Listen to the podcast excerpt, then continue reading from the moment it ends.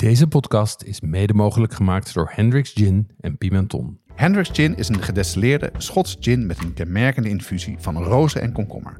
Probeer nu ook de fruitige variant Grand Cabaret. Pimenton is dé webshop voor foodies. Ze hebben meer dan duizend ingrediënten van over de hele wereld die ze snel en voordelig versturen vanuit België. Ook bij ons geldt geen 18, geen alcohol. Jeroen, eh, we lopen tegen het einde van het jaar. En dan ben ik wel heel erg benieuwd of er iets ehm, is blijven hangen culinair gezien. Wat was jouw culinaire ontdekking in 2020? Ja, wat, wat bij mij echt wel is blijven hangen zijn, eh, zijn twee dingen. De tiki cocktails. Ja? Ja, dat vind ik echt, die heb ik helemaal ontdekt en, en eh, dat vind ik fantastisch. Aan de ene kant en aan de andere kant alle dingen die regule ijzerwijn doet. Dus zeg maar traditioneel Brits bakken, zowel zoet als hartig, vind ik ook echt fantastisch. Ja, want jij bent niet echt een, een bakker, toch? ik ben Dat, eh, totaal geen bakker. Nee, nee. in 2020 dus wel. 2021 zeker. Ja.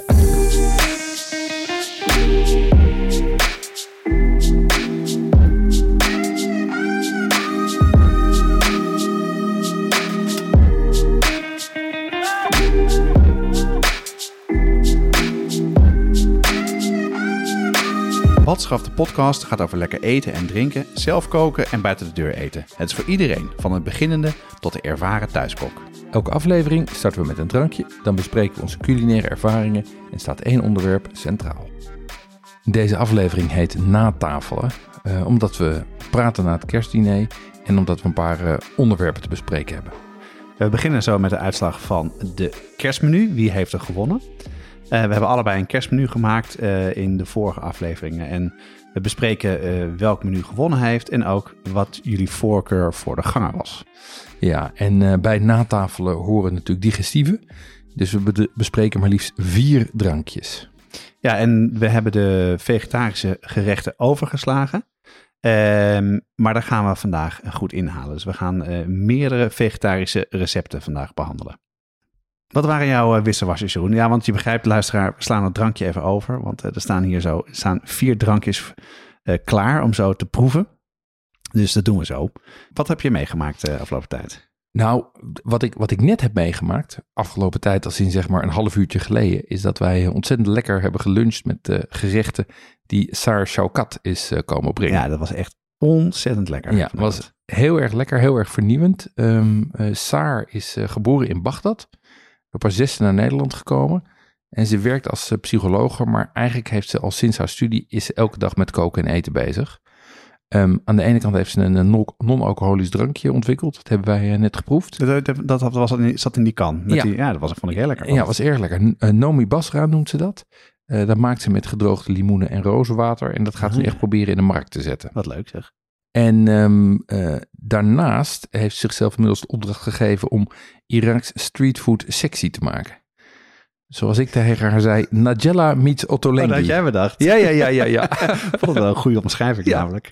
um, en, uh, en toen zei ze dus dat ze voor ons wilde koken. Nou ja, duh, ja. daar zeggen wij geen nee tegen. Ja, ze kwam dus, uh, net, voordat we de podcast opnemen, ne nemen, waren we beneden.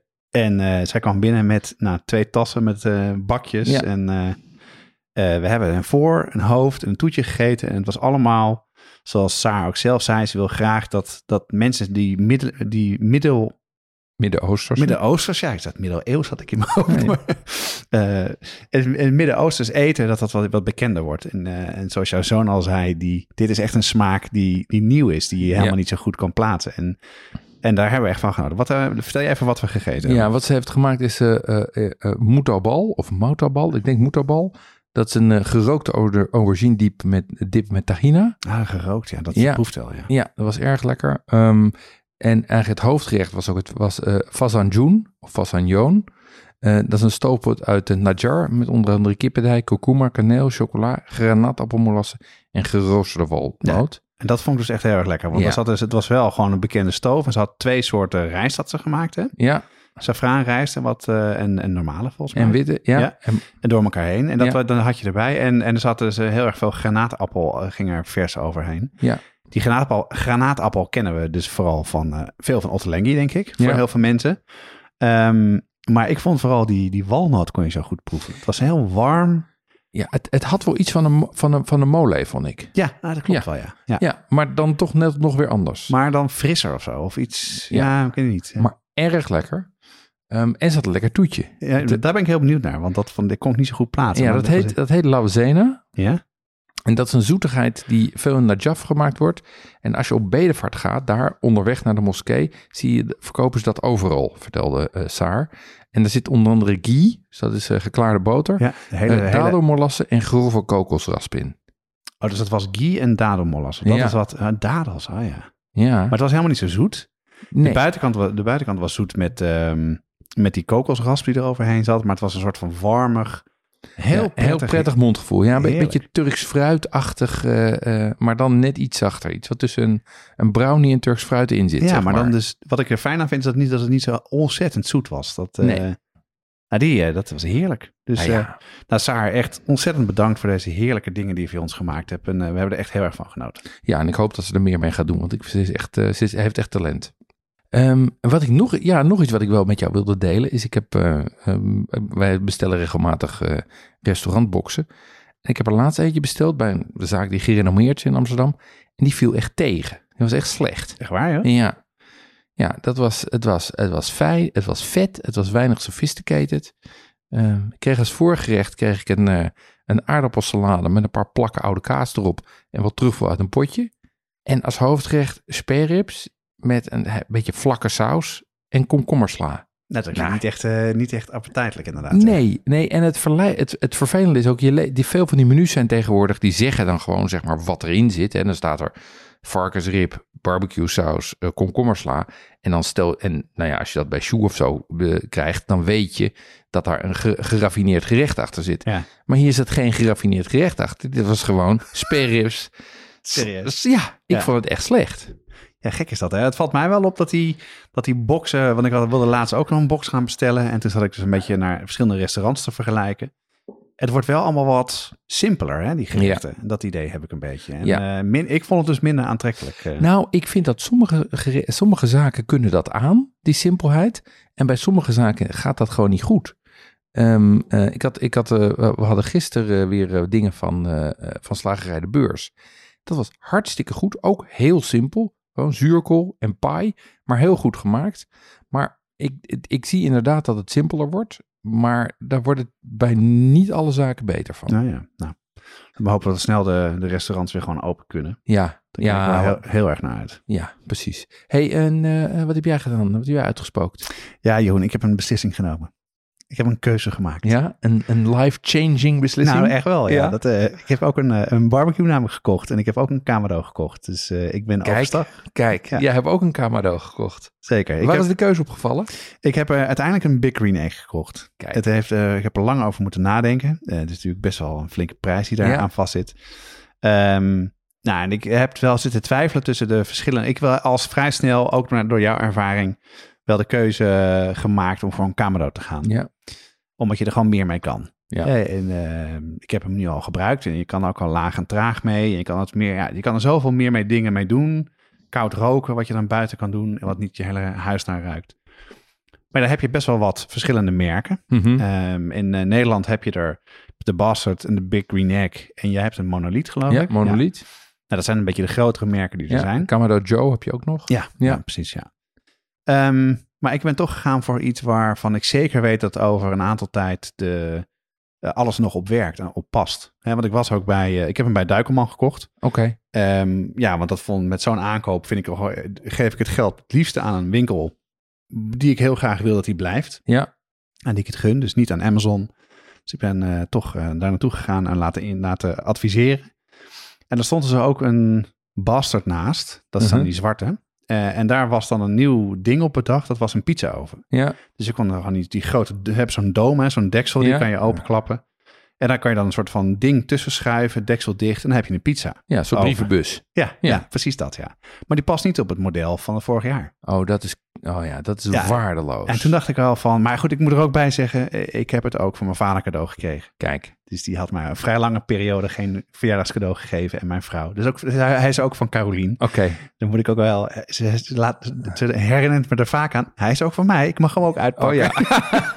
Daar heeft je natuurlijk helemaal gelijk in. Ah, nee, maar dus, ik, ik snap die keuze ook wel hoor. Om dan, eh, eh, ik bedoel, bij mij was de keuze voor de monolith voor de hand liggend. Maar Big Green Egg is natuurlijk ook, weet je, ook als je hem krijgt, het is natuurlijk ook wel de classic. Ja, ja, en het was wel, eh, en je had me al wel ge- gewaarschuwd als je daar, nou niet gewaarschuwd, je had me daar een beetje lekker voor gemaakt van als je daarmee aan de slag gaat. Ik had niet verwacht hoe ontzettend veel controle je hebt. Ja. Hoe makkelijk het werkt, hoe, ja, ik was echt, ik had een grote grijns Je hebt, je hebt gezien dat er ook een, een set is waarmee je de, met een vennetje, waarmee je de temperatuur helemaal automatisch kan regelen. Hè? Ja, ik heb gezien, dat is zoveel. Ja, je kan echt... Hey, de, en het, dit ook, ik kreeg er ook een kerstbal bij. Die moet ook in de kerstboom van zo. en allemaal andere dingen.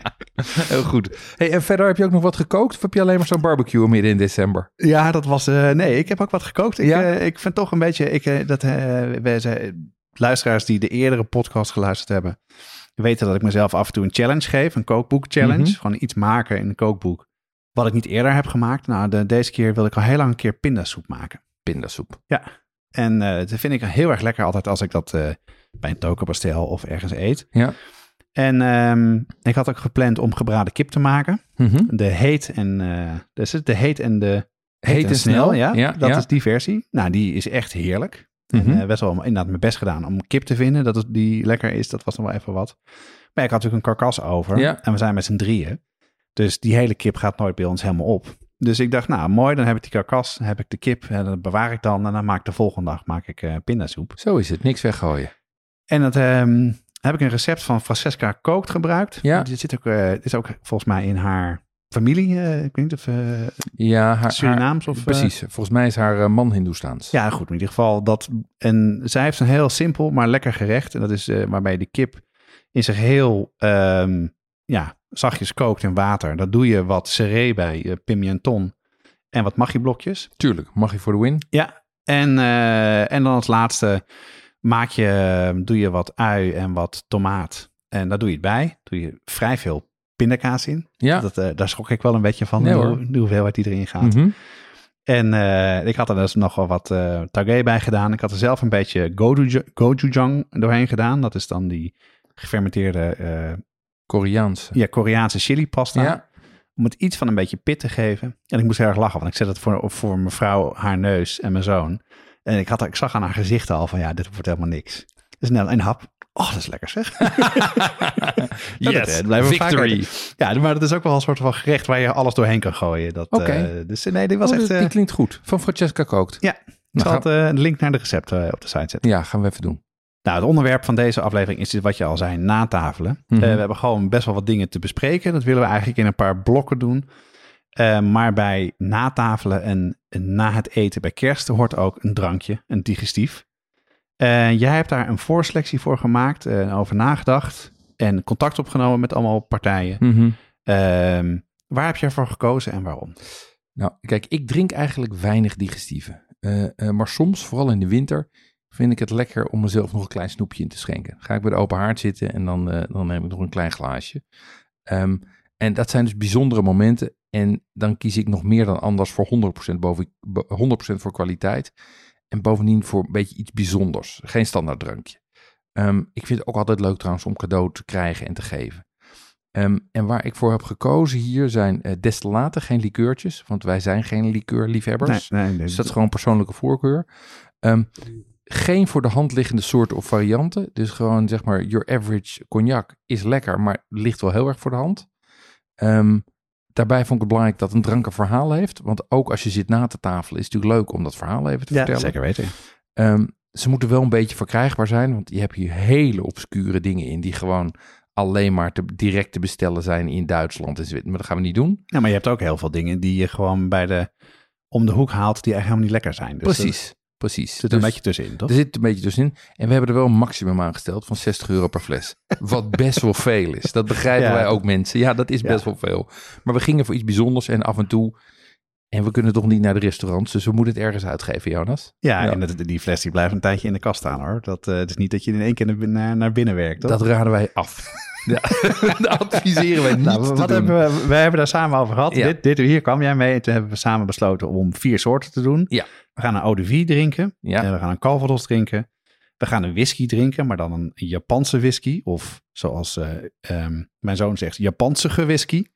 En, eh, en rum. Hè, helemaal in jouw tiki- tiki-straatje. is Klopt, dat, eh. klopt, klopt. Dat is de spin-out van mijn tiki's. Laten we even beginnen bij de Eau de- Eau de Vie. Vertel daar even wat over. Ja, ik heb al een eh, glaasje voor je ingeschonken. Je kan er vast een beetje aan gaan snuffelen. Ehm, dit is een, eh, eh, deze wordt gemaakt door Leon van Wely. Dat is de zoon van een fruitteler in Stevensbeek, Brabant. Ah ja, Ehm, en hij, zij, kweken al, zij, zij kweken al jaren appels en peren en kersen en al dat soort dingen. En heel veel fruit wordt afgekeurd omdat het tweede klasse is. Omdat het optisch, cosmetisch, daar niet goed uitziet. Voor in de winkel, toch? Voor in de winkel, precies. Ehm, en dat gaat dan Maf naar de- eigenlijk, hè? Ja, dat gaat pff, gewoon dat wij het niet Ja. mooi genoeg vinden. Ja.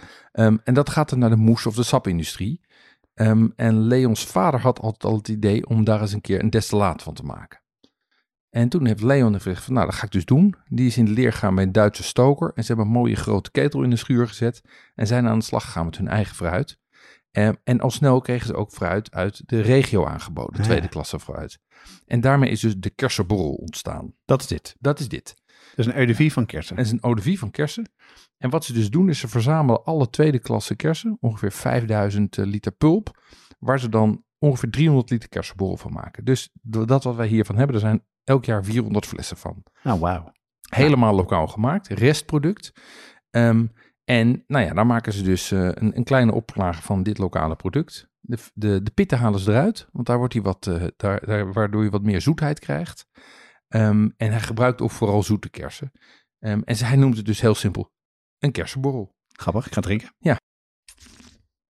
Ja, dat is lekker zeg. Dat is lekker hè? Hele, Met de Eau de, Eau de Vie ben ik altijd een beetje bang voor de wegtrekker die je krijgt. Dat, eh, dat, ik vind dat altijd best wel scherp drankje. ja, ze, kunnen, ze hebben natuurlijk vaak wel zo'n soort, van, zo'n soort van scherpheid. En dat Ja. heeft deze ook wel een beetje. Ja, maar niet, niet vervelend. Niet vervelend, Maar maar is lekker zacht is die. En dat vind ik er ook vaak wel het charmante aan. Het is echt wel een soort van. Een beetje een bergdrankje. Een beetje voor, eh, voor de wintersport. Of eh, als je in een berghut zit om. We moeten, we moeten aan windsport en drankjes altijd denken aan de windsport die we samen hebben gedaan. Toen heb jij mij geïntroduceerd bij een nieuw drankje in. Negroni? Nee, dit ook. Maar dat was dan daarna. Toen dronk ik een JT en zei dat mag Oh ja. niet meer. Nee. Maar op de piste was De dat. Calimero. Ja, dat was er volgens mij. Of de Bomba. Oh, de, oh ja, de, de Bombardino. Ja, dat is de, de Bombardino. de. Bombardino. Ja, ja, ja, ja, ja. Ja, dat is ook erg lekker. Ja, ik ben nooit zo van het skiën en drinken, maar eh, deze keer eh, Sindsdien wel. schoof ik bij je aan. nou, maar hij is heel erg eh, zacht, want dat is waar ik een beetje... Jij had- wilde heel graag Eau de Vie kiezen. Mhm. Ja, ik ken het een beetje van mijn vader, die het heel lekker vindt. En ik drink dan voor de vorm een klein slokje en daarna leg ik het weg, want dat vind ik gewoon te scherp. Maar dit, eh, dit is heerlijk. Ik vind het erg lekker. Het heeft, het heeft fruit, het heeft aroma. Ehm, Ja. eh, en ik vind het gewoon hartstikke leuk dat het een lokaal product is. Dat is natuurlijk ook, eh, dat speelt wel mee. En het is grappig, want normaal heb je dus zo'n scherpe afdronk, maar hij wordt heel warm aan het einde. En heel zacht. En Ja. Heel, heel, ja. Dit kan ik wel drinken hoor. Ja, nou, dat, is, eh er staat Dat glas is voor je de neus. bedoeling van Ja. vandaag. Goed. Ehm, zullen we dan maar eens bekend gaan maken eh, welk menu gewonnen heeft, Jan? Ja, heel graag, Jeroen. Dat zou ik heel graag willen dat je dat gaat doen. Nee, er is, eh, eh, ehm, er is heel vaak gestemd. via de site eh, 137 keer en ruim 200 keer via Insta. En het Franse menu heeft gewonnen met 58% van de stemmen. Precies. Er zit iemand groots te grijnzen tegenover mij. Wij gaan door naar het volgende onderwerp. nee, het was aan het eind nog even spannend, want het Britse menu maakte een comeback. Maar uiteindelijk was eh Franse, eh kreeg, won, won toch, ja. Ja, maar wa- wa- wat ik wel leuk vond om te zien, want eh, ik vond het echt ontzettend leuk dat jullie allemaal gestemd hebben. Dat heeft, daar hadden wij een beetje op gehoopt. Ja. En dat is, hebben jullie met grote getalen gedaan. En vooral ontzettend veel leuke reacties erbij. En wat ik wel heel vaak las, is dat de keuze heel moeilijk was. En dat het ook wel twee hele typische menus waren. En eh, sommige mensen hadden gewoon, oké, ik heb een voorkeur voor Brits of voor Frans. Ja. Sommigen hadden eerst eh, de gerechten gedaan en toen een conclusie getrokken. Mhm. En sommigen, zoals Tronelleke, die heeft gewoon 50-50 gedaan. De ene dag geloof ik het ene menu, de andere dag het andere menu. Dat, Ah, dat las die heeft gewoon twee keer gestemd. Nee, dat weet ik niet. Ze, ze wilde niet kiezen. Dat werd ik Oh, wel ja. gezien. eh. Ja, leuk. Hey, en wat, wat zeiden mensen dan, dan over dat Franse menu bijvoorbeeld? Ja, dat was, nou, het Frans menu eh, zei Tom, Tom Dijkshoorn bijvoorbeeld. Nou, wat een klinkende menus. Eh, het streven om de saus in een spotlight te zetten heeft mij overtuigd om voor La Douce Frans te kiezen. En ik ben heel erg benieuwd en kijk uit naar een fijne avond met prachtige wijnen. En ja, dat is ook leuk. Mensen hebben ook de wijnboxen besteld die erbij ehm, zijn. En als je dit hoort, kan dat nog net volgens mij, toch? Ja, ja, ja, ja. Dit, dit gaat, dat mensen kunnen nog steeds eh, bestellen. Ehm Natasha Roda, die zei, ik ben team Jonas. You had me at ratatouille voor mensen met OCD. Ja, dat, dat Dat kwam een beetje door jouw Instagram post. Die precies. Ja, ja. Nou, ze hebben allebei wel een beetje OCD volgens mij. Dus, eh, It, it's not a bug, it's a feature. precies. En nou, eh Rijke Derksen zei, ik ga ook voor het Frans menu, om, on- ondanks dat het daar niet zo heel nauw werd genomen met spelregels. In de strijd om het lekkerste menu is, eh, te maken is eh, alles geoorloofd, zullen we maar zeggen. Nou, dat, die opmerking heb ik vaker gehad. Dat jij je beter aan de regels hield dan ik. Ja, daar loopt ook nog een procedure, Jonas. Dat weet je, hè? Er, zijn nog, er is een recount. Er is een recount. Nou, ik nee, had wel echt even serieus. Want op een gegeven moment in het begin had uh, wat Frans een voorsprong. ja, En, maar daarna begon het echt heel erg naar elkaar toe te kruipen. Dus, eh, dat was, eh, dus ik denk, eh, ik ben heel benieuwd in hoeverre ik me even Trump eh, waande. precies. En jij Biden werd, maar ik bleef gewoon Jonas. Vive de France. Het, ehm, de, oh, over het Britse menu zei eh, bijvoorbeeld Katja Workel zei... Ik ga voor team Jeroen. Het Britse menu vind ik feestelijker en meer bijzonder. Hoe lekker ik het Franse menu ook vind. Echt een mooie opbouw en fijn dat je dagen ervoor al lekker kunt voorbereiden. Dat tamarinde-ijs, wauw. Dat lijkt me gaaf. Ja, en Jenny van Asperk die zei... De reden dat ik kies voor het Britse menu is tweeledig. Ik heb zelf een aantal jaar in Schotland gewoond... en een aantal gerechten van dit menu, zoals zalm, pie en roast... brengen me helemaal terug naar de smaken van daar... en daarnaast lijken de gerechten me iets wat haalbaarder, minder last minute. Ja, ik denk dat dat, eh, ik denk dat, dat klopt. Ehm, eh, maar wat ik eigenlijk nog leuker vind is om te weten... want we hebben mensen ook gevraagd op de gangen te laten stemmen... Ehm, wat waren de, de, de favoriete gangen? Hoe is daarin, zoals mensen zeg maar van gang tot gang kiezen? Hoe is het dan gegaan? Ja, dat, was, dat vond ik dus heel leuk ook om te zien. Er zijn eigenlijk twee overduidelijke winnaars. Ehm, het voorgerecht was jouw voorgerecht. De whisky cured salmon with beet- beetroot en blinis. Ja. Die heeft ongeveer 77% van de stemmen gehaald en daarmee ook de meeste stemmen van alle gerechten. Dus je hebt toch nog een beetje gewonnen. Ik heb de troostprijs. Everybody's a winner. Ja. you get a car, you get a car. en eh, de andere was eh, de Madeleines met de Sabayon. Ja. Eh, 74% gestemd als toetje. Ehm, het tweede eh, gerecht was eh, je, jouw soep. Eh, met eh, een paddenstoelensoep Ja. met eh, hazelnoten. Ja. Vijf- 55%. Dat was heel, nou dat ging, er was een vrij close battle, maar aan het einde ging- kwam, kwam die soep echt veel naar boven. Mhm. En dan mijn tussengerecht, het gerecht met tong en de, en de saus. Die 66% is daarop gestemd. En ik had stiekem wel gehoopt dat jouw pie dat zou, zou worden. Ja. En die heb jij proefgekookt, toch? Die heb ik proefgekookt en dat was een fenomeen. Ehm, maar ik weet niet, zeker niet nu, nu we, gaan toch waarschijnlijk toe naar een kleinere kerst. Ik denk niet dat ik hem met de kerst ga Nee, maken. echt niet? Nee. Dat ik zag heb zo mooi uit, hij, normaal. hij, hij is ook mooi, hij is ook leuk. Het is schofterig veel werk om te maken. nou ja. Het is echt heel veel werk. Ik denk dat ik er. Ik heb natuurlijk ook. Ik ben natuurlijk ook zo gek geweest om zelf al met al die eh eh, gevogelte te gaan uit eh, gaan fileren. Maar ik denk dat ik er dat ik er end-to-end toch wel een uur of acht mee bezig ben Serieus, geweest. Ja. Ja. Ja. ja. Dat is echt veel werk. Maar ik vond het een heel mooi gerecht en het zag er ook heel mooi uit. En er zijn ook mensen die dat echt ook eh, heel leuk vonden, dat je dat eh, eh, initiatief genomen had daarin.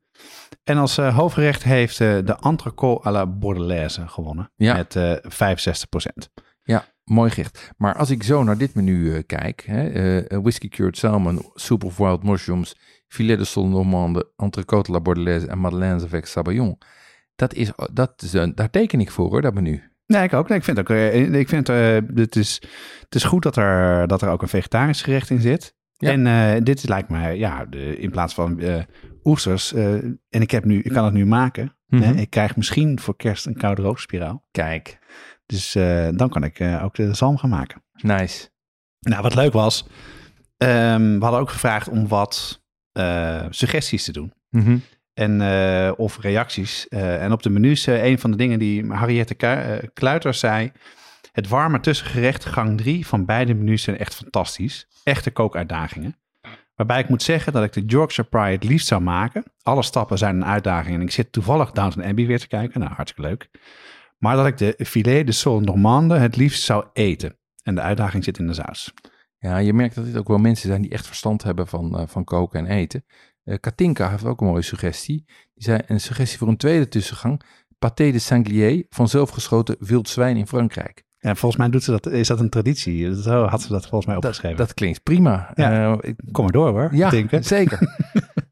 En Eline eh, Snoeier die zei, ehm, de tip, die had ook een hele leuke suggestie. Een tip voor een soort, wat we nog mist in ons menu, en namelijk een amuse dessert. Een tip voor een feestelijk amuse dessert, goed van tevoren te maken, zijn passievruchtbonbons. Het recept heeft uit het boek van Joris Buidendijk, Ja, en waar hij een tulbandje voor passievrucht en kokos met karnemelk en een basilicum sorbet maakt. Het is een geweldig dessert, maar als je alleen de kokosfinancier en de cremeux de pas- van de passievrucht in een bonbonvormtje maakt, dan heb je een super lekkere amuse bonbon. Pluk je waterkers erbij en het is helemaal af. Klinkt, het klinkt allemaal redelijk ingewikkeld, maar valt reuze mee. En alle ingrediënten kun je gewoon in de supermarkt kopen. leuk. Leuk. Eh, Echt eh, een next level eh, shit hoor. Die, ja, eh, waterkers erbij, dat vind ik dan wel eh, een leuke Bijzonder. combinatie. Ja, Beetje ja. peperig, beetje fris. Ehm, maar we hebben natuurlijk ook, want mensen hebben gestemd, maar als beloning voor het stemmen eh, hebben we ook eh, kookboeken verloot. Ehm, we hebben er twee weg te geven. Ehm, de eerste is eh, Lekker Lokaal van Laura de Graven. Ehm, daar koken we straks ook in het vegetarisch repertoire nog wat mee. En die gaat naar Kees Jansen. Gefeliciteerd. En à la minuut van Marie Maris, die ook terugkomt in het vegetarisch repertoire, gaat naar Petra Strijdhorst. Hartstikke leuk. Nou, Van harte. gefeliciteerd. En eh, we hebben vandaag ook nog wat meer dingen weg te geven. Ja. Ook dingen die we aan het drinken zijn. Dus eh, daar komen we zo aan het einde van de aflevering nog even op terug. Dus blijf luisteren.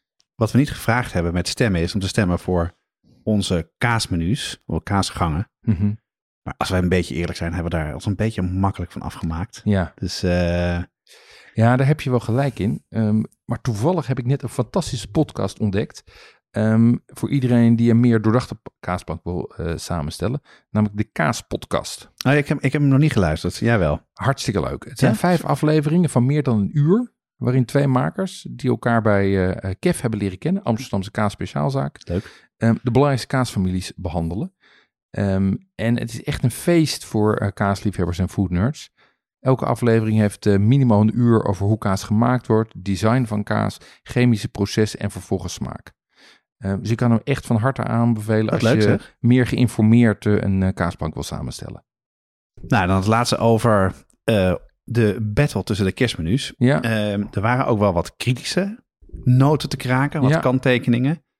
Ehm, en terecht ook wel, vind ik. Mensen vonden het te veel vlees georiënteerd. ja, daar wil ik wel even iets over zeggen. Want kijk, wat misschien belangrijk is, om te, het- is ook heel vleesgeoriënteerd. Dat vond ik namelijk ook. Ja, het zijn- je- Het zijn hele klassieke, maar het is ook wel in ieder geval bij ons zo dat wij inmiddels door de week helemaal vegetarisch eten. Ja. En als er dan dus feesten en partijen zijn, ja, dan heb je toch een beetje overcompensatie. Dus dat, dit is natuurlijk wat dat betreft ook heel persoonlijk. Ehm, ik kan me voorstellen dat mensen die, laat ik zeggen, dat meer uitspreiden, dat die zeggen van ja, dit is wel heel erg meat-centric. En dat, dat is het ook. Ja. Ehm, maar daar hebben we straks een oplossing voor.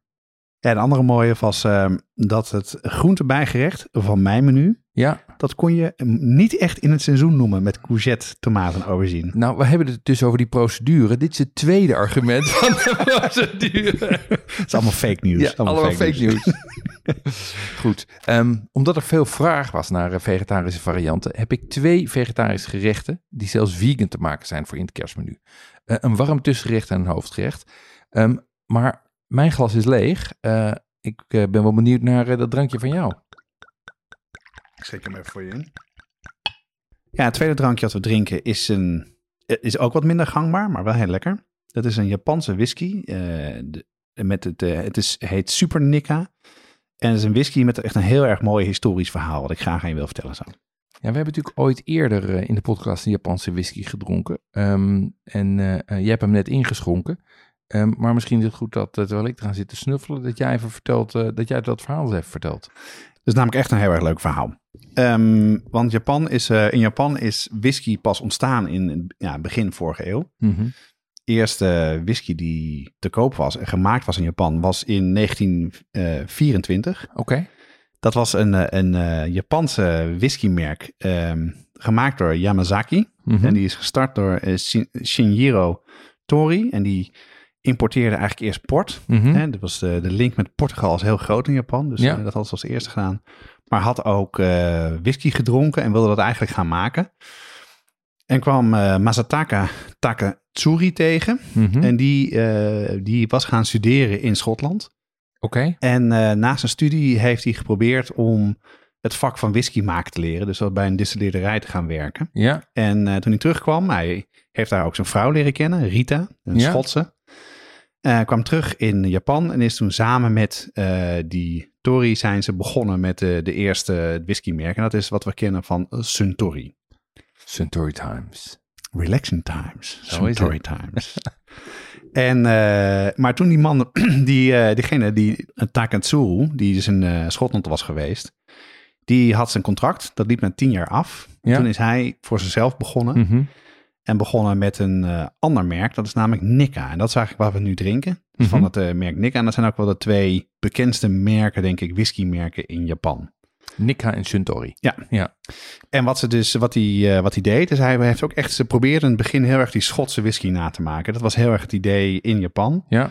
En daarom is hij zelfs, die, is dus een de distilleerderij, is hij gaan beginnen in Hokkaido Mhm. van Nikka. En dat, eh, dat was een het meest te vergelijken met het Schotse klimaat. Dus Oké. eh, zo ver ging het daar, ging Ja. het daar zelfs.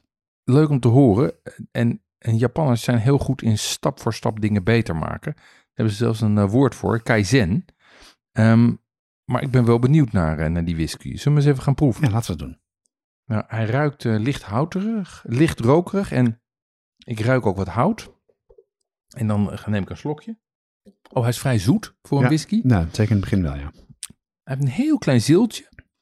Ehm, en dan vanille, honing, tropisch fruit, toffee. En dan trekt dat zoete weg. En dan wordt hij eigenlijk vrij, dan droogt hij een beetje op. En dan krijg je eh, ehm, eh, wat, wat de eiken, rook, kruiden en zelfs een beetje sherry. Ja, in Sherry zeggen ze dat.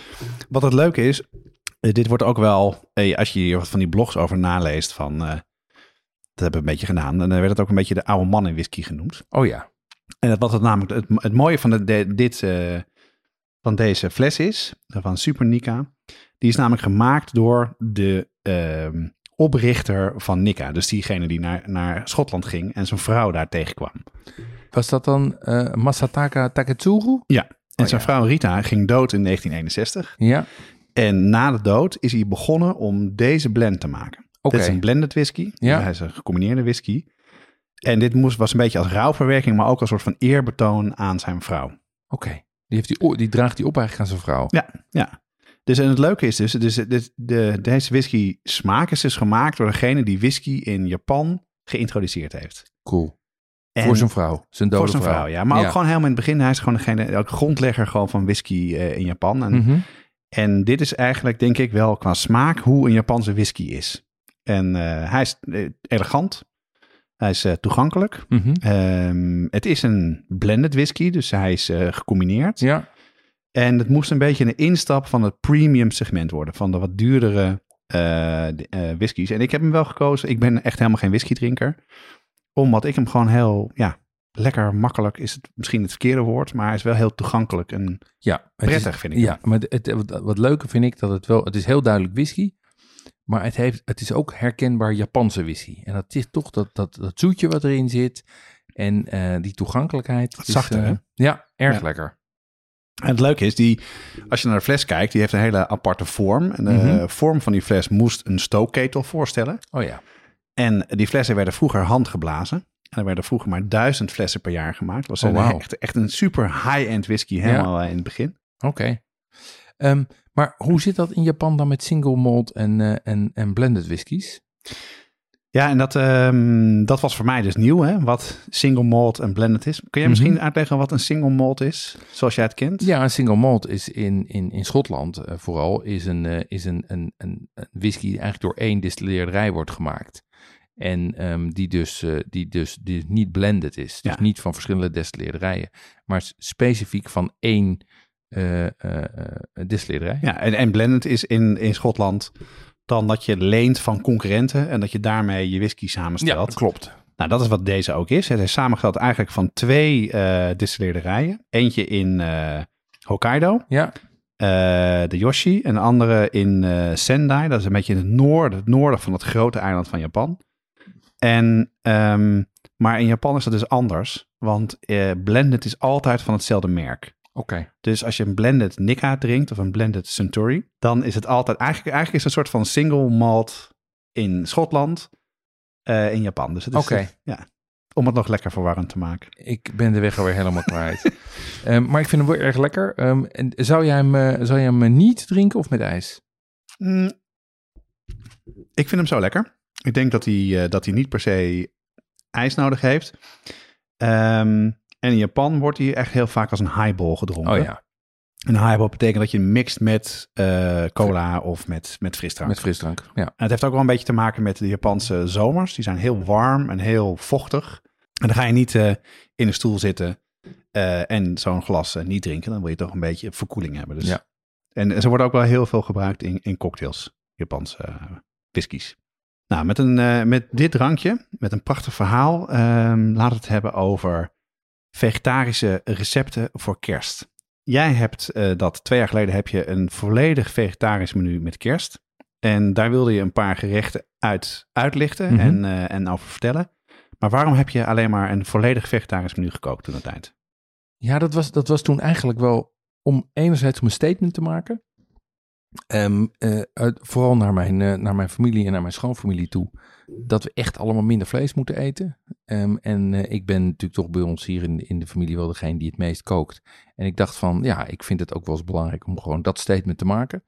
Ehm, daarmee wilde ik tegelijk laten zien dat het dus ook kan. Dat je gewoon een, een, een, een aantrekkelijk, feestelijk en vullend menu kan maken. Helemaal plant-based. Ja.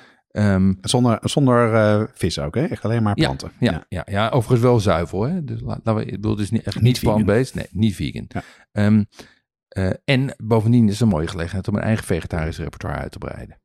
Want je wilde twee gerechten delen. Ja. Welke als eerste? Nou, de eerste die ik met jullie wil delen is eigenlijk een, eh, een gerecht wat je zowel in kan zetten als een soep, maar ook als een warm tussengerecht.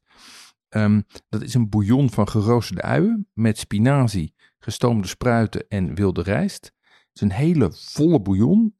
Eigenlijk een soort uiensoep, maar dan zonder alle ui- stukjes ui erin. Dus die sma dat smaakprofiel heeft het. Ja. Ehm, en daar zit dan nog een hele, eh, heel sterk aroma verse kruiden in. Want vlak voordat je hem eh, afmaakt, gooi je er een minuut lang een zak in met allemaal basilicum en Oh ja, en, ja, dus dat geeft echt een mooie tweede laag. Ehm, en daar zitten vervolgens in geroosterde zilveruitjes. Niet zilveruitjes uit het zuur, maar gewoon zeg maar die kleine Ah, ja, uitjes. ja, ja. Die geroosterd, spruitjes en wilde spinazie. En dan nog een hand van die hele notige zwarte wilde rijst. Dus een heel lekker aards, gelaagd gerecht.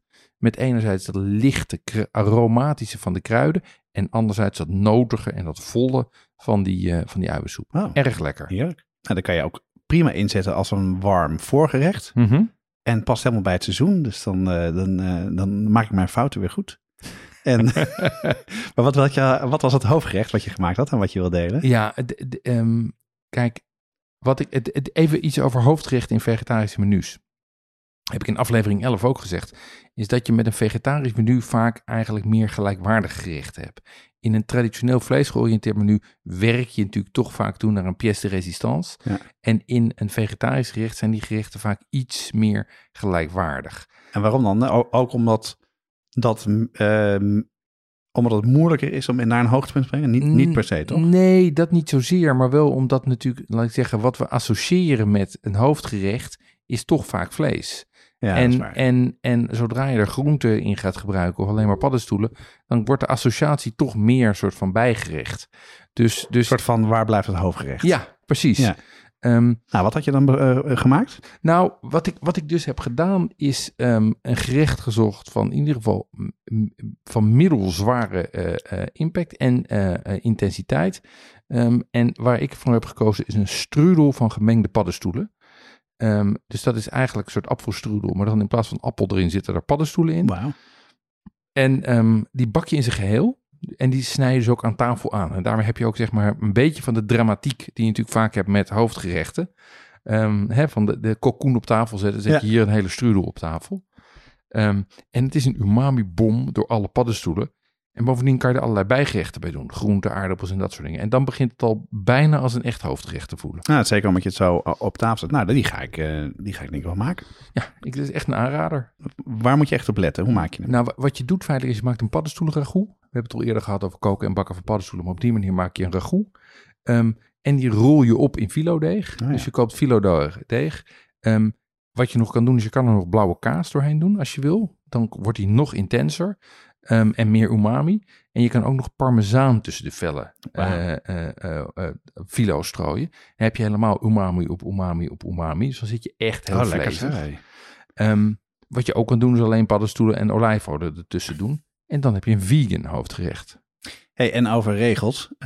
Ik kreeg, werd op mijn vingers getikt door de luisteraars dat mijn last minute bereidingen best wel veel waren. Ja. Dit, dit klinkt als last minute. Nou, wat je kan doen is je kan hem helemaal gaar maken.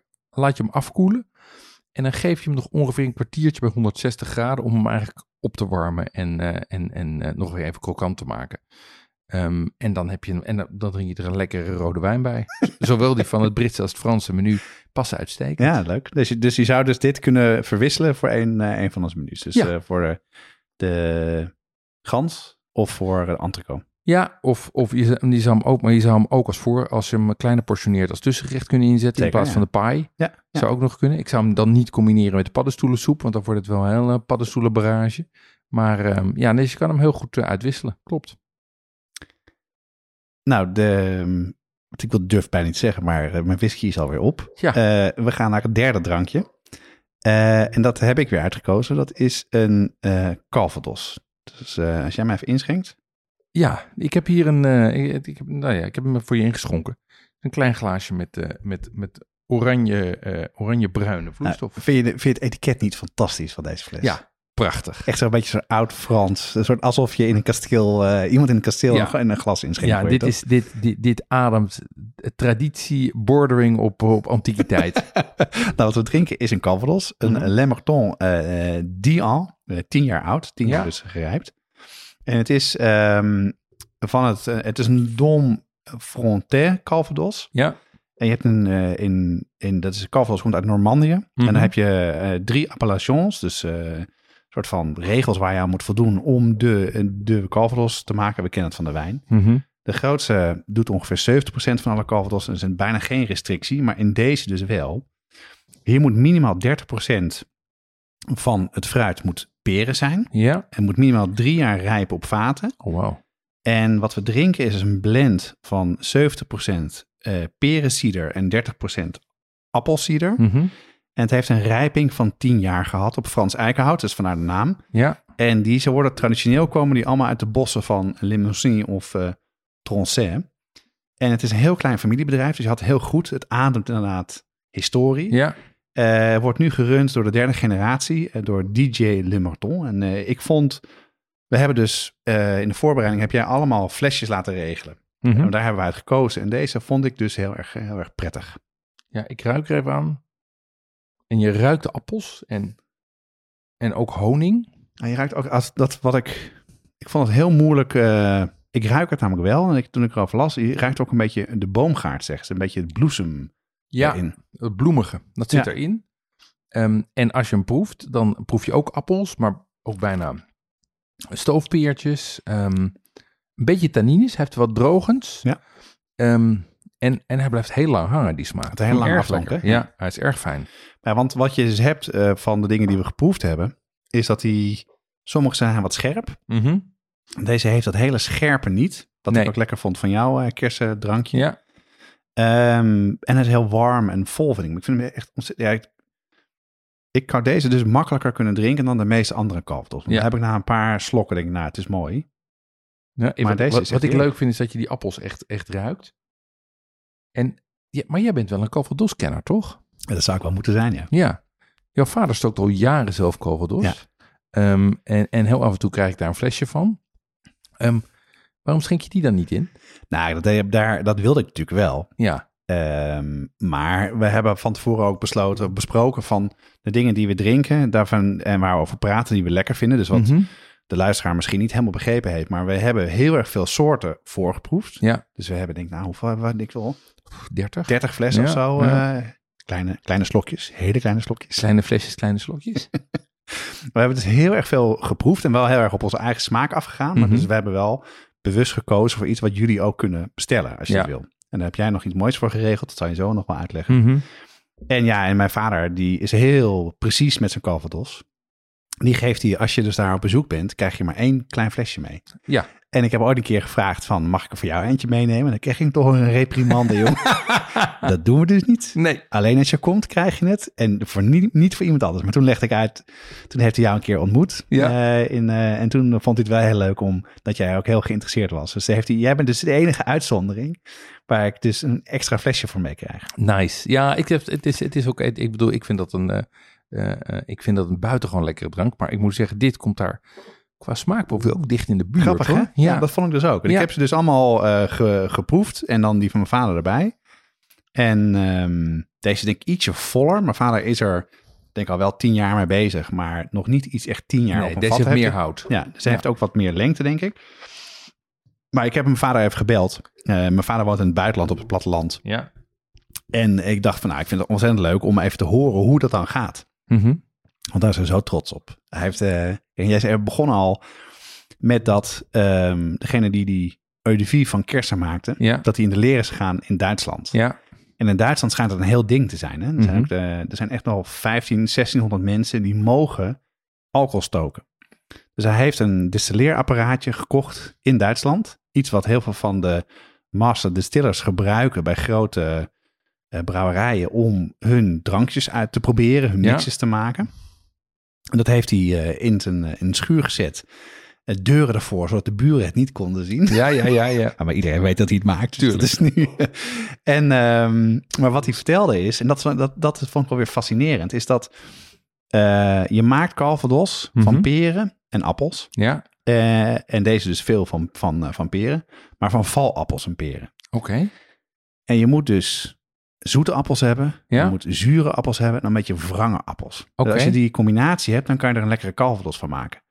En dat is dus bijna niet meer te doen.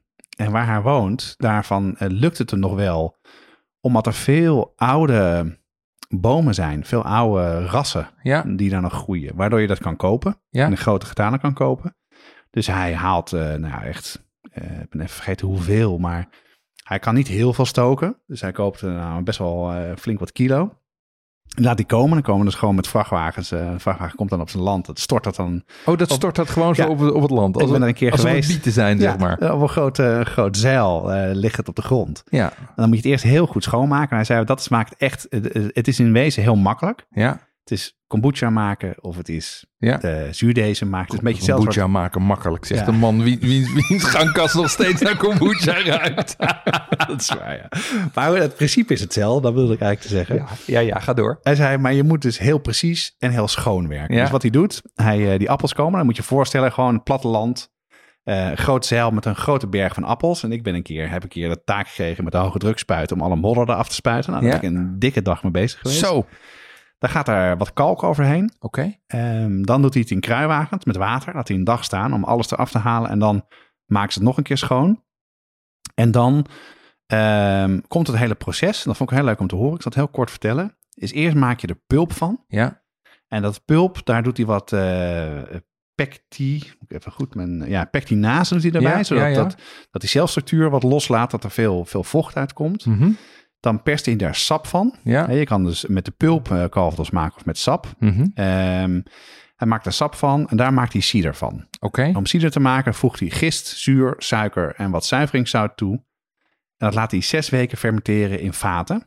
Met een soort van, zeg je dat, zo'n dingetje erboven. Zo'n waterslot. Waterslot, ja. Ja, Doet hij een klein beetje azijn erbij om de vliegjes weg te krijgen. oké. En dan maakt hij eigenlijk cider, Ja, zoals we nu ook aan het drinken zijn. En met die cider, daar stook je dan de alcohol mee. Dat die dan, destilleer je. en die destilleert je drie keer zijn apparaat. Oké, ja. Hij kan geloof ik 35 liter vocht destilleren. En, eh, en dat doet hij dan in eikenhouten vaten. Die heeft hij in zijn, in zijn kelder liggen. En eh, daar is hij dus heel erg mee aan het experimenteren. Hij begint dus nu meerdere drankjes te krijgen van oudere vaten. Ja, Dat zijn vaten, eikenhouten vaten die van binnen dus gebrand zijn. Speciaal voor cognac of voor, voor calvados. ja, En nu is hij er wel achter. Als hij, in het begin had hij het vat helemaal vol gedaan. ja. Maar als hij hem drie kwart vol doet, wordt het veel lekkerder. Oh, En wat hij ook merkt is dat het vat wat leger is. Dan wordt het drankje steeds lekkerder. En nu is een beetje ja, dingen van één vat en het andere aan het doen. En er staan dus, nou ja, hij gaat nog een jaar door of zoiets, denk ik. Dan heeft hij zoveel liter in de kelder staan. Maar wat ik zo mooi vond. En eh, toen moest ik ook wel denken, ja, dan lijk je toch wel een beetje op je vader. En zei hij, Jonas, weet je wat het mooiste is van de dag? Vijf uur, je pakt je cognacglas. Je gaat door je tuin, prachtige tuin. Doet de deur open naar je kelder. Je zoekt het vaatje uit. Doet het kraantje open. Je ziet het vocht erin lopen. Je neemt een nipje. En dan is het leven goed. Ja, mooi verhaal. Dus, uh, nou, de, de cognac dus. Nou, nee, maar, dus. maar wat ik leuk vind is, wat ik, wat ik zo leuk vind, eh, ik, ik, kennen de detailverhaal helemaal niet, dat hij het zo ontzettend serieus doet. Ja. Ik bedoel, dit is niet een beetje knutselen, dit Nee. is gewoon, eh, dit is, dit is hogere, hogere school eh uh, Calvados nerden. Ja, nou, hij heeft dus een, een Duits boek. Daar heeft hij de titel van gegeven. Ik zal het er wel even bijzetten in de show Aha. notes. Eh, wat gebruikt wordt door Duitse ja, eh, eh, brouwers om, om, eh, om dingen mee te maken. Zat er helemaal in uitgelegd hoe je, hoe je dus Calvados kan maken. Hey, ehm, we hebben eh, de afgelopen twee afleveringen die over eh, kerst gingen, hebben we ehm, eh, eigenlijk het vegetarische repertoire overgeslagen. Ehm, en dan gaan we nu inhalen. Ehm, welke gerechten hebben we daarvoor gekozen, Jonas? Eh, we hebben twee gerechten gekozen uit de boeken die we weg te geven hebben. En er komen ontzettend veel leuke vegetarische kookboeken uit de laatste tijd. Voor de, we hebben dus twee gerechten gekozen. Eén uit Lekker Lokaal van Laura de Graven. En de andere à la minuut van Marie Maris. Ja, eh, welk gerecht eh, zullen we bespreken uit het boek van eh, Laura? Nou, dat hebben we gevraagd aan Corianne. Ja. En Corianne die doet onze online productie. Ja. De show notes, daar is altijd heel druk mee. En die heeft ons ooit opgebeld. eh, met, we hebben ooit een keer gevraagd, wil, wil je helpen in Mhm. eh, de aflevering dat we een jaar bestonden. En zij ging daarop in. Daar zijn we ontzettend blij mee. Eh, en zij, is heel, zij kookt alleen maar vegetarisch. Want Ja. haar man die had op een gegeven moment besloten, ik wil graag vegetarisch eten. En toen vertelde ze me, ja, dat vond ik in het begin een beetje gedoe. Want ik vond vlees wel lekker. Ja, Maar nu doet ze dat dus. En zij heeft gekozen voor het recept, recept ehm, van witte bonen in tomatensaus. Nou, dat is eigenlijk, zijn het feitelijk eh, gekookte witte bonen. Maar dan denk je, nou, het is een beetje saai. Maar de saus die je erbij maakt, die wordt wat complexer en lekkerder door kaneel die je erbij gebruikt. Wat walnotolie. En eh, gerookte paprikapoeder. En om het wat frisser te maken, wat peterselie. En eh, Laura in haar boek doet er geroosterd brood bij. En dat is ook een hele goede gelegenheid om de oude Judees boterhammen uit de vriezer te halen. Of die hebt een beetje te roosteren en erbij te eten. En ja, Corianne vond het een heerlijk gerecht. klinkt, eh, klinkt hartstikke goed. Gaan we even op de site zetten. Ehm, dan hebben we het boek van eh, eh, Marie Maris. Die kookt ook heel veel met groenten. Heeft volgens mij ook de groenten bij het boek geschreven. Ehm, wat, eh, wel, welke eh, gerecht heb je daaruit uitgezocht? Nou, wat ik eh, gekozen heb is een hartige taart met eh, een kilo eh, ui of charlotte. Eh, die ga je eerst heel zachtjes eh, koken en zoet laten worden, zoals je ook uiensoep maakt. Hè, dus op, op, op een zacht vuur, misschien met een beetje een vetvrij papiertje eroverheen, zodat het heel rustig kan inkoken. Ehm, dat meng je met zongedode tomaatjes en heel erg veel kruiden. En dan pak je bladerdeeg, Mhm. eh, dan maak je een bonen van, dan stort je erop. Ja, En dat doe je in de oven en dan bak je af. Het is een soort van vega-versie van eh pizza la dière. En wat ik wel heb gemerkt is dat je moet een goede balans vinden tussen de kruiden, de uien en de tomaatjes. Het is best wel, is natuurlijk best wel een bom van smaak. Ja. Je moet iets van frisheid hebben. Dus de, de soort, eh, soort tomaten, zei eh Marie Maris, is heel belangrijk dat je er een goede, goede in kiest. ja. ja leuk. Ja, uitstekend, eh, uitstekende gerechten. Ehm, ik heb alweer dorst. Ehm, we gaan door. we gaan door. En ik heb het laatste drankje voor je. Ehm, en ik heb hem voor jou al ingeschonken. Ik schenk mezelf ook even bij. Ehm, en ik zou zeggen, steek je neu- neus er even in. Zo, dat is wel, dit is wel een geur zeg. Ja, toch? Ja, dit is een, Wat heb je? Rum hè? ja, het is een rum. Ehm, en, en door Tiki, waar ik eerder over vertelde, is mijn interesse gewekt voor rum. En dat is net als whisky een wereld op zich, maar nog minder overzichtelijk. Ehm, en dit is een, Wow, wat is dit joh? ja, Admiralty rum. Dit is wel een bom zeg. Het is een bom van smaak. Ehm, Wow. eh, En dat had ik niet verwacht dat hij zo... eh, dat hij zo heftig zou zijn, nee, hè? Hij is lekker hoor, maar... eh, maar goed, ik mag er helemaal niet proeven, sorry. Ja, je mocht Ga je eens vertellen. Ja, dit, dit is een, dit, deze komt van het merk Passers. Ehm, en het is de, hoe- wat staat er ook weer op? Dat heet de Gunpowder Proof. Ehm, En Pusser staat voor de purser, die verantwoordelijk is voor het dagelijks rantsoen voor de mariniers. Nou ja. wat ook wel de tot wordt genoemd. En Pussers die maakt rum in Brits-Guyana. Dus het is dus een Demerara rum, oftewel een rum gemaakt van suikerriet. Ehm, en dat is geen officiële appellatie, want in tegenstelling tot whisky is het in rumland kan je echt doen wat je Ja, wil. echt waar, ja. Ja, ja, het is een, wild west, maar je hebt wel hele verschillende stijlen. Dus het is ontzettend moeilijk om aan het etiket te zien wat voor stijl je krijgt. En wat je, dan, wat je dan proeft en wat dan de smaak is. Ja. ja. Ja, en wat jij net zei van wow, dat, is, dat noemen ze in Rumland de funk. En dat is zeg maar, dat is alles wat je meer proeft dan alleen de basis, eh, zeg maar, rum en alcoholsmaak. Ja. Maar als je zo'n heel rijk aroma krijgt, zoals dit met kruidigheid en, en eh, eh, dat soort aroma's, dan heb je dat over de funk. Lachen Ehm, zeg. En dit is dus, dit is wat ze noemen gunpowder proof. En wat betekent dat dan? Ja, gunpowder proof, dat, die, dat heeft te maken met dat de havenmeesters, die voerden vroeger een check uit om te testen of de geïmporteerde rum wel de juiste sterkte had en niet stiekem verdund was met water. dus wat ze deden, ze gooiden er een beetje buskruid bij. Echt waar? En als het dan nog steeds ontbrandde, het buskruid, Dan had er geen water dus ze bij. gooiden erbij een beetje buskruid. Je nam een bergje buskruid. Dan ga je een drupje van die rum op. Als het dan nog steeds ontbrandde, dan was het eh, proof. En dat betekende dat het 55 tot 57 procent alcohol heeft. Dat, Dat- heeft dit dus ook. dat proefde ik al wel, ja. Hé, maar dan krijg ik wel... eh, je hebt het over havenmeesters en eh, dat weten misschien niet alle luisteraars. Maar ik heb vroeger ontzettend veel gezeild. Ja. Heel veel wedstrijden gezeild. Dus ik mijn leven speelde vroeger veel op het water af. Dus ik krijg een soort van visioen van een vloot van galjoenen met kanonnen en kruid. Maar is er dan een link met de marine? Ja, want van de 17e eeuw eh, tot 1970 kregen alle matrozen en officieren bij de Britse marine een dagelijks rumrantsoen. Hoezo dan? Ja, nou, dat was Dan dus... kreeg je gewoon rum opgestuurd. kregen- nee, niet opgestuurd, gewoon als ze aan boord waren, kregen ze gewoon een rum elke dag. Ja, ik heb wel. Bij mij was altijd de regel. Ik heb één keer de oceaan overgezeild. Ja. De Atlantische Oceaan. Nou, dan, dan eh, was er geen alcohol hoor. Dat, dat mocht niet eh, bij ons aan boord. In de 17e eeuw, toen ze begonnen met deze regel, kreeg iedereen gemiddeld elke dag door een gelijke hoeveelheid aan acht borrels. Niet normaal, joh. Elke dag. Ja, Jeetje. Ja. En ja, dus, dus, dus die link naar de, naar, de, naar, de, naar de Navy is heel sterk. Je ziet ook allerlei verwijzingen, vooral in Engelse rum, naar Navy rum of, of Ja, ja. eh, Admiralty Ja. of eh, dat soort dingen. Ehm, en het is, een, eh, nou ja, het is een hele eigen stijlproef, maar Nou, dat had ik al stiekem gedaan. Maar ik ga nog een keer, maar dan nu goed proeven. Wat ik nou echt, ik vind het heel bijzonder dit, hè. Want ehm, ik ken rum helemaal niet. Maar dan een beetje van de Bacardis en dat soort dingen en de mojito's. Dat is allemaal niet zo. Maar dit is echt een drank op zichzelf, hè. Ja. Het heeft een hele bijzondere geur. Heel aromatisch. Veel specerijen. ja. Ehm, je ruikt en proeft ook wel een beetje wat vanille. Dus je zou heel zoet, zoet een drankje verwachten. Wat, maar dat is helemaal niet. Het is ook wel wat ziltigs heeft het.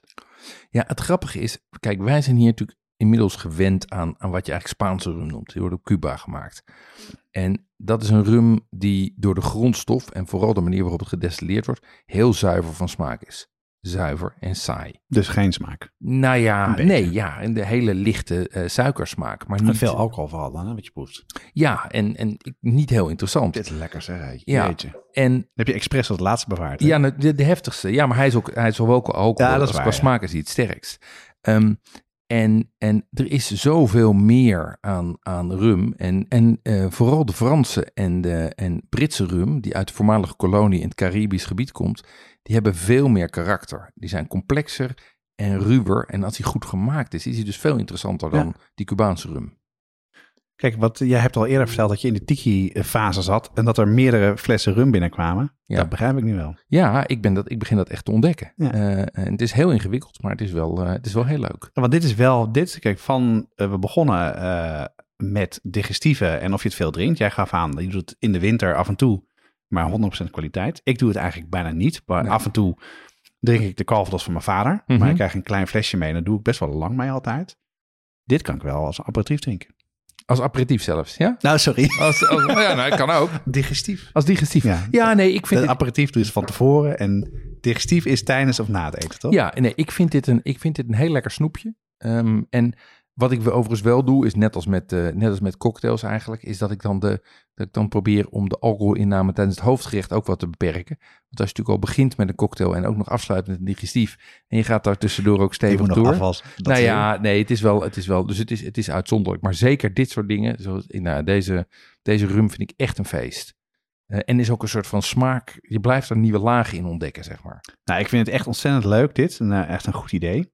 Al deze dingen die we gedronken hebben eh, en over gesproken hebben, staan op de site. Eh, en daar kan je ook op eh, klikken. En dan kan je, ze, kan je ze ook bestellen. Dus dat zou ik echt doen.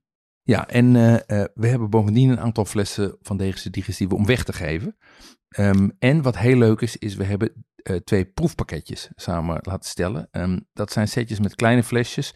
En daarin zit de eau de vie, de en de rum.